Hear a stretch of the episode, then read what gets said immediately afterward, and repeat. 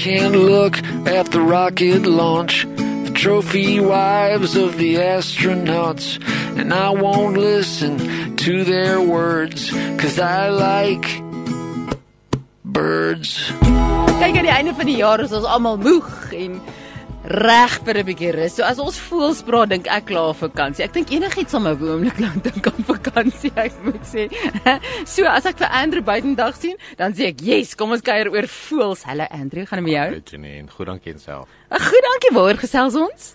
Man, kom ons kyk bietjie, uh, kom speel bietjie 'n speletjie vandag en kyk ons of jy kan raai wat se voel is dit. Raai, raai, Ripa. Okay, gooi. Okay, ons eerste leidraad is mense ken nie regtig sy roep nie, maar hierdie voels kan actually roep, jy weet, en sy roep klink so.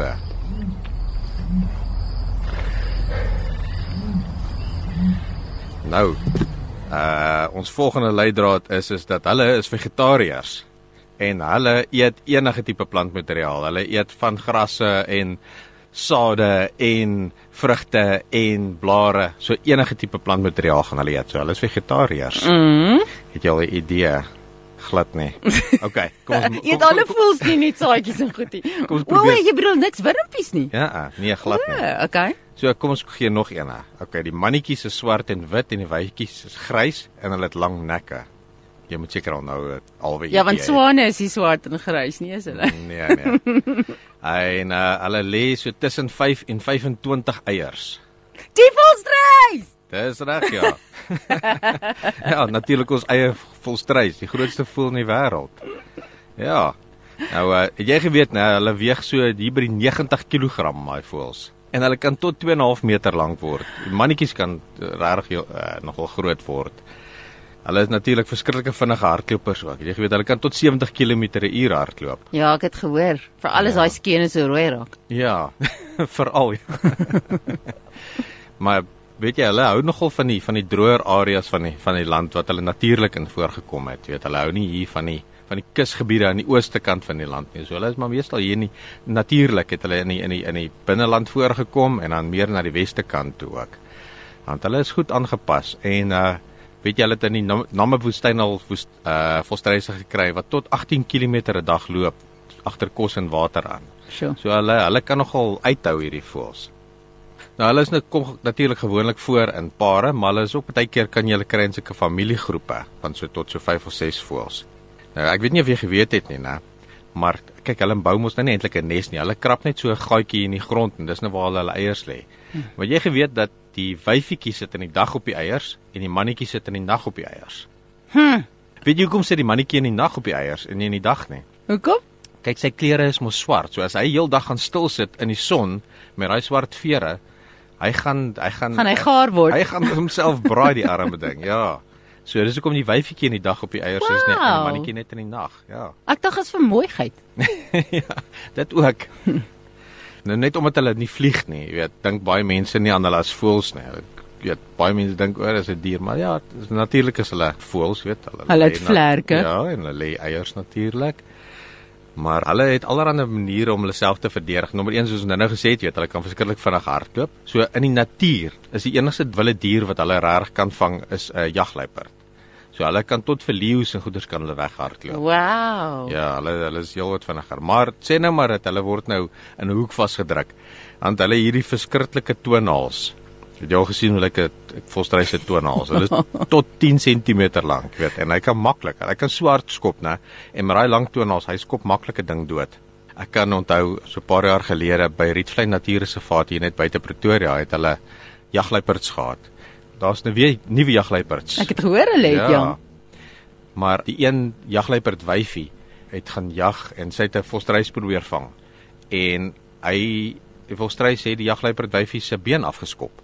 Wow. Ja, dit so. Dit was nog 'n groot ding geweest en die jagluiperds is bedreig en hulle is juist daar om te probeer om hulle aan te teel. Wel nou sien jy daar, ek het 'n rede om bang te. Ek's bang vir 'n volstrys. Hulle maak my. Ja, nee, hulle hulle kan skop, hulle kan gevaarlik wees. Maar nê, as hulle nou regtig waar nie anders te kan nie, dan gaan hulle gaan lê hulle ook plat op die grond om weg te kruip. En met hulle kop en daai lang nek en ons lê hulle plat op die grond want mm. so dit niks of niemand hulle sien nie. So hulle is gekamoufleer dan met daai Ja. grys van hulle. Maar nou ja, jy weet natuurlik daar in die klein Karoo, dis natuurlik ons volstryswêreld. Almal almal weet van van van die volstryswêreld en Oudtshoorn en so. En die die dorpie van Oudtshoorn is letterlik gebou op volstruisvere. weet, want hier in die 18 laat 1800s was dit mos nou groot mode gewees hier in Europa om om vere te dra. En dit is waar die vere wat hulle in Europa gebruik het vandaan gekom het. Is is daar van daai area af en hulle het agtergekom omdat die volstruise goed aanpas in daai omgewing, het hulle met hulle begin boer vir hulle vere. So in die 1800s het hulle nie volstruise geëet nie. Hulle hulle het hulle uitsluitlik ehm um, weet aangehou net vir hulle vere. Groei die vee terug as jy hom pluk of sit jy met 'n kaal volstruis met die tyd? Nee, hulle groei daarom terug. So. Okay, goed. ja. En dis hoofsaaklik die mannetjies se vere wat hulle gebruik het, weet, uh, vir modegoeders. Die wyfies wat uit die die valer enetjie is. Bietjie lelik. Ja, daai vere het hulle is wat ons gebruik vir vere Verestoffers. ja. ja. So wanneer mense toe nou begin om volstruisvleis te eet? Dis eers hier in die middel van die van die vorige eeu, jy weet, hier in die middel 1900s wat hulle begin agterkom met maar eintlik volstruisvleis is verskriklik gesond. En dit is hoekom hulle weet regtig waar begin boer het met die volstruise, nie net vir hulle vere meer nie, maar ook vir hulle vleis.